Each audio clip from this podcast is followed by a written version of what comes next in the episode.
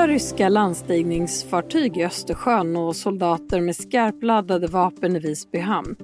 Ja, säkerhetsläget kring Sverige har inte varit så här spänt sedan en rysk ubåt gick på grund i Karlskrona skärgård 1981.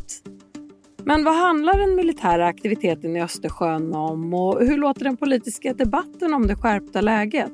Välkommen till Studio DN med mig, Ylke Holago.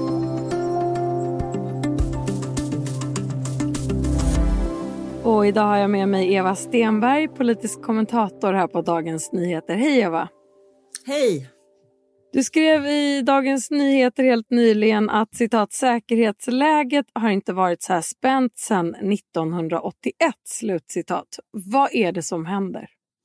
Ja, det har ju gradvis skärpt säkerhetsläget under flera år här, men det som har hänt nu akut det är ju att Ryssland har ställt upp omkring 100 000 soldater omkring Ukraina. Och eh, 17 december så presenterade Ryssland också ett antal krav som demokratiska länder omöjligt kommer att kunna acceptera. Det handlar om att länder inte skulle få välja att gå med i Nato, att man, de inte skulle kunna utvidgas mera. Det handlar om att eh, de länder som har valt att gå med i Nato efter Sovjetunionens sammanbrott inte skulle ha rätt att få förstärkningar eller fullt ut kunna försvaras av de andra NATO-länderna. Och det här berör ju också Sverige. Den svenska överbefälhavaren Mikael Bydén, han har sagt att det skulle leda till att den svenska säkerhetspolitiken, fundamentet bröt samman när vi inte längre kan öva och samarbeta med andra länder. För det är ju ett viktigt ben för den svenska säkerhetspolitiken, det här samarbetet med bland annat Nato, USA och Finland. Och Det här märks eh, också väldigt tydligt på Gotland, vilket har rapporterats mycket om senaste veckan. Vad är det som händer på Gotland? Ja, där har ju det svenska försvaret reagerat på det här läget, bland annat på att det har kommit nya landstigningsfartyg in i Östersjön, ryska landstigningsfartyg. Det finns sådana som har hemmabas i Östersjön, men det har kommit tre stycken nya från ishavet också seglat in så att det låg sex stycken sådana här landstigningsfartyg och de använder man ju för att ta ombord stridsfordon eller soldater om man ska inta eller besätta Eh, en plats. Det räcker inte med de här ska man säga. De behöver en massa stöd i form av flyg och ubåtar och allt möjligt. Så att det är inte så att man invaderar en ö eller en plats bara med ett sådant här landstingsfartyg. Men de är en viktig del och de tar lång tid att flytta. Och därför så reagerade ju många på att säkerhetsläget i Östersjön skärptes. Och då valde det svenska försvaret att skicka bland annat en, en insatsstyrka för att förstärka Gotland och de militärer som redan finns på Gotland ställde sig på tå så att säga. De började patrullera med skarpladdade vapen och det blev en helt annan bild på Gotland till följd av det här. Men vad betyder de här nya landstigningsfartygen i Östersjön som du berättar om och den här lilla upptrappningen på militärspråk? Vad är det man vill signalera utifrån det som händer just nu? Man vill signalera till Ryssland att vi ser vad ni gör, vi ser vad som händer och vi är beredda på allt. Och tänk inte tanken att försöka använda Gotland eller slå ut Gotland under den här krisen i något led. Den här krisen som då har uppstått kring Ukraina och kring de här ryska kraven. Och vad, hur ska vi tolka landstigningsfartygen i Östersjön? Ja, det kan ju mycket väl vara en, en maktdemonstration, men det skulle, vi vet ju inte. Det skulle ju också kunna vara så att, att till exempel de har hämtat upp materiel eller personer eller så för att gå ner till Svarta havet, eh, för där, där har ju Ukraina en gräns, e-, eller för att gå någon annanstans. Det, det, kanske finns någon som vet, men det är ingen som vill berätta det i sådana fall. Det, naturligtvis vet ryska flottan vad det är som händer, men, men i Sverige är det inte säkert att någon vet det. Och de här spänningarna beror alltså på, som du redan har förklarat, att eh, Ryssland vill markera mot Nato. Och Nato är alltså den försvarsallians som bildades 1949 som ett svar på Sovjetunionens politik i Östeuropa. Och I Nato ska ju USA då garantera medlemsländerna hjälp om dåvarande Sovjet eh, attackerade och Nato har idag 29 medlemsländer och samarbetar med ytterligare 40. Och Alliansen bildades ju under en period som kallas för det kalla kriget. Eva, kan du förklara vad betyder det kalla kriget? Ja, det kalla kriget börjar ju efter det stora flammande kriget, andra världskriget, där väldigt många eh, dog och det slutade ju i en fred men samtidigt så växte då det fram två stycken supermakter som världen väldigt mycket spann omkring där det ena var Sovjetunionen och som knöt till sig en intressesfär av andra socialistiska länder som då inte alltid hade valt att tillhöra det. Det såg vi ju till exempel i Tjeckoslovakien 1968 då där Sovjetunionen invaderade när Tjeckoslovakien försökte välja en annan väg. Och när jag säger socialistiska länder då menar jag att det var så de kallade sig själva. Det här var ju diktaturer styrda av kommunistiska partier. Det fanns då ett, ett block kring Sovjetunionen som sedermera, efter Nato bildades, blev en militärallians. Warszawapakten.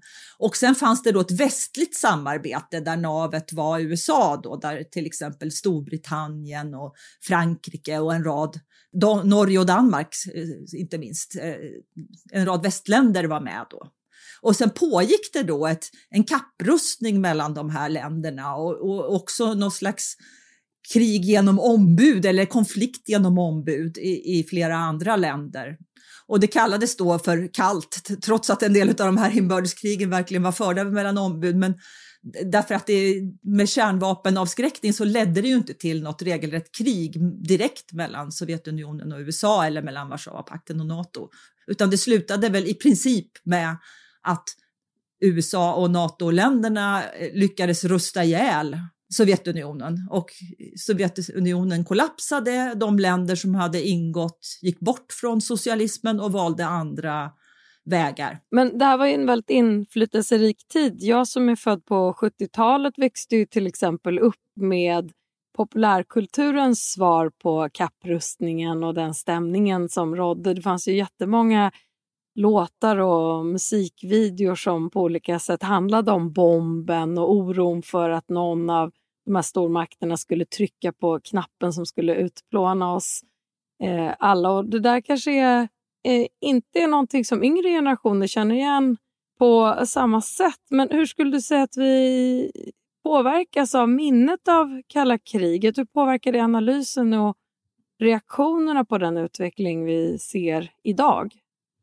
Mycket i det svenska försvaret var ju också utformat utifrån kalla kriget. Då var det ju väldigt viktigt att vara alliansfria för Sverige, att inte visa var vi hörde hemma, även om det fanns en dold förbindelse över Atlanten.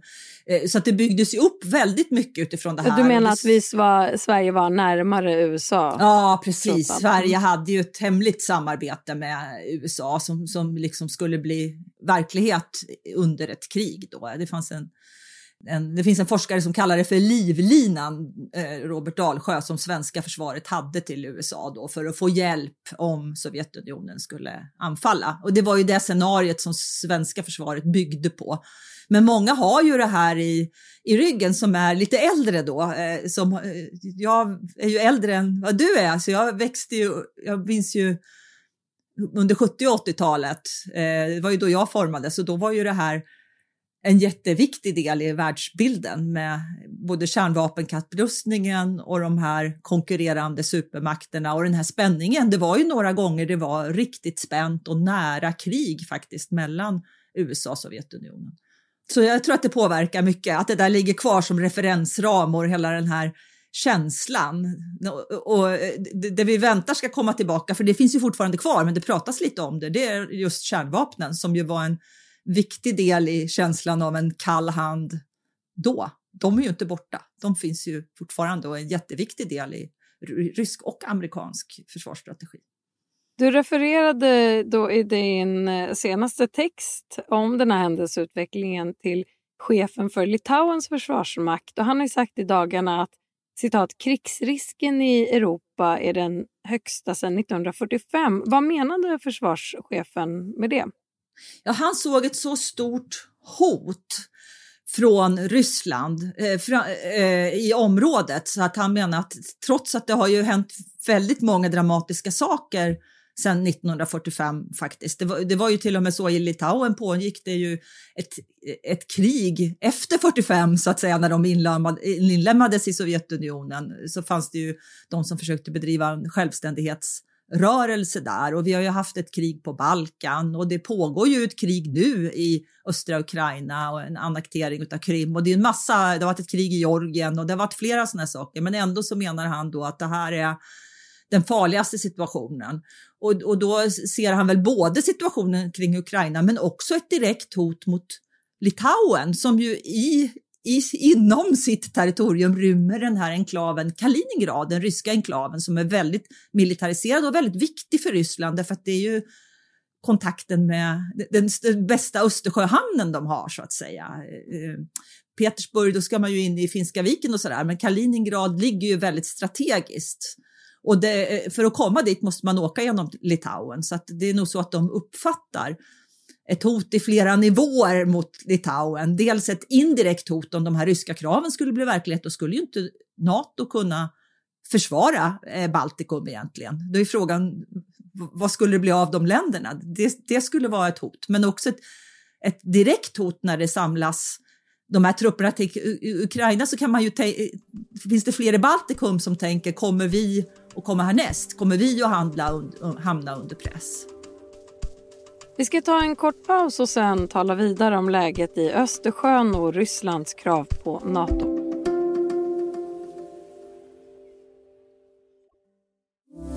Du lyssnar på Studio DN där vi idag pratar om det skärpta läget i Östersjön. Eva Stenberg, politisk kommentator på Dagens Nyheter. Sverige är ju alliansfritt men har intensifierat sitt militära samarbete med andra länder de senaste åren. Förra året eskorterade Sverige till exempel amerikanska bombplan under en militär övning. Vad skickar det här för signaler till Ryssland? Ja, det skickar ju en signal att Sverige egentligen inte är alliansfritt kan man väl säga. Man kan ju fundera på vad det där ordet innebär om ett alliansfritt lands flygvapen eskorterar in tunga amerikanska bombplan. Svenska soldater på marken leder in det här och så övar man ett anfall mot någonting på marken och sen eskorteras de här bombplanen ut igen. Det är klart att det är en signal att om ni försöker, om ni i Ryssland försöker är på någonting på svenskt territorium, då kommer det svenska försvaret att få hjälp utav USA att eh, ge igen så att säga. Det, det, är den signalen man skickar och den signalen finns ju också amerikanska eh, höga företrädare som har skickat, inte minst den nuvarande presidenten Joe Biden som när han var vice, vicepresident sa att herr Putin skulle veta att eh, Sverige är okränkbart. Och hur kommer det sig rent historiskt och politiskt att Sverige har valt att ha ett eh, starkare band till just USA? Ja, det har ju framförallt att göra med att USA är ett demokratiskt land precis som Sverige och att eh, Sverige då tog avstånd från Sovjetunionen och kände ett större hot därifrån än från USA. Men sen har det ju förstås funnits kritik mot USA under den här tiden. Under Vietnamkriget var det ju en väldigt stark kritik mot USA och det är ju, nu med facit i hand är det ju många som är kritiska till den här insatsen som USA var med om och faktiskt också Sverige i Libyen, den NATO-ledda insatsen. Och den insatsen i, i Irak, eller som, som USA ledde invasionen där, är ju också många som är kritiska till och som eh, med facit i hand tycker att det har förstört mycket. Men ser man det övergripande så är det så att Sverige har känt en mycket större samhörighet då med, med demokratiska länder och det är ju den absolut största delen av Nato som är demokratiska länder än vad man har gjort då med auktoritära länder då som Ryssland idag eller som de gamla eh, Warszawapaktsländerna. Men nu när du är inne på det ryska perspektivet, hur ser hotet och problemet ut ur ett ryskt perspektiv? Ryssland har ju känt sig trampat och trampat tillbaka i skorna och håller på att upprytta någon slags nationalkänsla och en vilja att gå tillbaka till en stormaktstid. Och det, det är ju det finns ju en bild av att den, det ligger liksom i den ryska existensen. Jag tror att det finns de som är bättre på att förklara detta än vad jag är då som inte har varit korrespondent i Ryssland eller så, men, men, men som är väldigt viktig för, för, för Ryssland och som gör att man vill tillförsäkra sig Eh, diverse trygghet och har lagt väldigt mycket pengar på att rusta upp sitt försvar ända sedan man märkte att det kanske inte funkar exakt som man ville under kriget i Georgien som väl var 2008 om jag minns det rätt. Så de har byggt upp systematiskt sitt försvar och också såna här eh, tränat barn i patriotisk fostran och parader och man har liksom byggt upp en nationalkänsla i Ryssland som har gått hand i hand med den här militära upprustningen som är.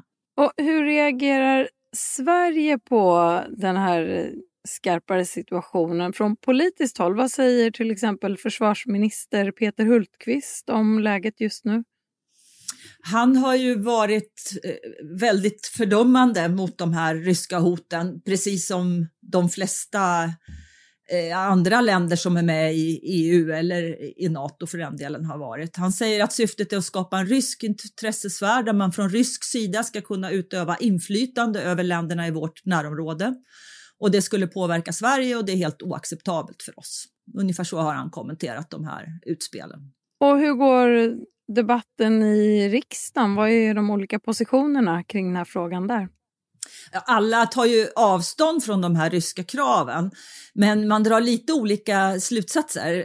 Alla säger, inklusive den svenska statsministern Magdalena Andersson, att det Sverige har rätt att bestämma själva om vi ska vara allierade eller inte. Vi har rätt att bestämma vår egen säkerhetspolitik. För det ligger ju de här ryska kraven att det skulle vi ju inte ha om USA och Nato sa ja till dem så att säga.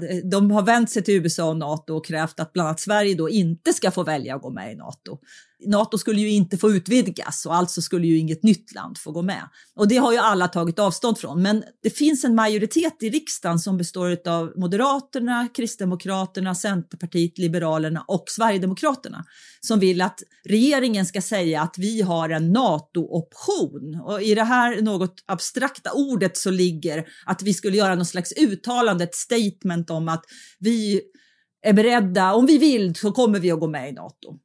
Eh, det är ju ingen som säger emot det. Det är ju inte så att, att regeringen har sagt emot det. De anser ju också att Sverige har rätt om man vill och gå med i NATO. Men, men just att man ska uttala det här, det är ju ett steg i riktning mot ett NATO-medlemskap ändå. Ett sätt att kratta magnesen lite, att signalera att hej, vi kanske kommer att göra det här. Och det vill inte partierna till vänster göra utan de vill eh, fortsätta på den här linjen som är nu där Sverige säger att vi är alliansfria och det här tjänar oss väl. Så där finns det ju en strid och den har ju pågått under den här konflikten. Fram till idag i alla fall när Centerledaren och moderatledaren skriver en debattartikel och vill ha samtal och då tog de faktiskt inte upp den här frågan om NATO-option. Men annars har de ju bråkat rätt mycket om den under hela den här krisen. Du har beskrivit här en situation som är eh, både väldigt konkret men också handlar om mycket symboler och kanske att spänna eh, musklerna. Men det har ändå väckt stor uppmärksamhet och även oro och många tankar. Och många av oss med barn i grundskoleåldern får ju frågor hemma om Sverige är på väg att hamna i krig. Det har blivit en snackis på skolgårdar och i sociala medier på vissa håll. Vad är ditt svar till barnen som undrar eller oss föräldrar som ska svara på de här frågorna? Jag skulle nog säga att det har blivit oroligare i området omkring Sverige, men risken att Sverige ska dras in i ett krig, den är liten. Men försvaret vill visa Ryssland att det inte är någon idé att ens tänka på det. Och därför så ställer de sig på tå och visar vad de kan och vad de har eh, när det närmar sig ryska krigsfartyg eller det händer någonting som de tycker är utmanande. Men den stora risken om det skulle överhuvudtaget bli en större konflikt i Europa, det är ju kring Ukraina. Och det är ju inte säkert att det händer någonting där heller, men det är ju där det akuta hotet finns, där, alla, där de här omkring 100 000 soldaterna står uppställda och där det mesta finns. Så avslutningsvis, vad tror du kommer hända härnäst i den här frågan?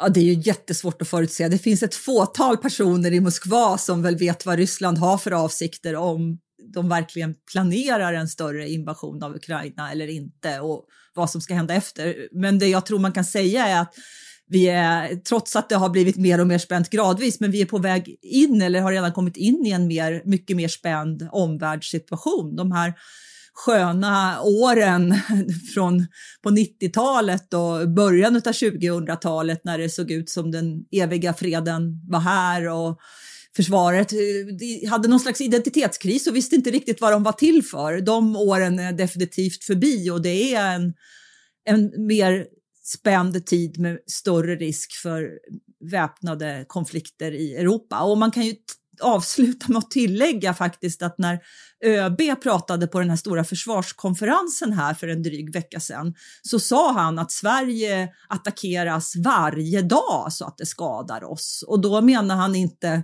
militärt, eh, alltså med militära vapen, utan han menar att det är cyberangrepp och det är liksom psykologiska operationer och det är sån här eh, angrepp som är svårare att definiera som militära som händer hela tiden. Och jag vet inte, men det verkar ju som det finns en misstanke i alla fall på Säpo om att de här drönarna som flögs över svenska kärnkraftverk skulle kunna vara en del av något sånt. Vi får återkomma till det. Tack så mycket Eva Stenberg, politisk kommentator här på Dagens Nyheter. Tack så mycket. Om du vill kontakta oss så går det bra att mejla till studiodn dn.se och kom ihåg att prenumerera på Studio DN där du lyssnar på poddar så missar du inga avsnitt. Studio DN görs för Podplay av producent Sabina Marmulakai. Ljudtekniker Patrik Misenberger, teknik Oliver Bergman på Bauer Media och jag heter Ylke Holago.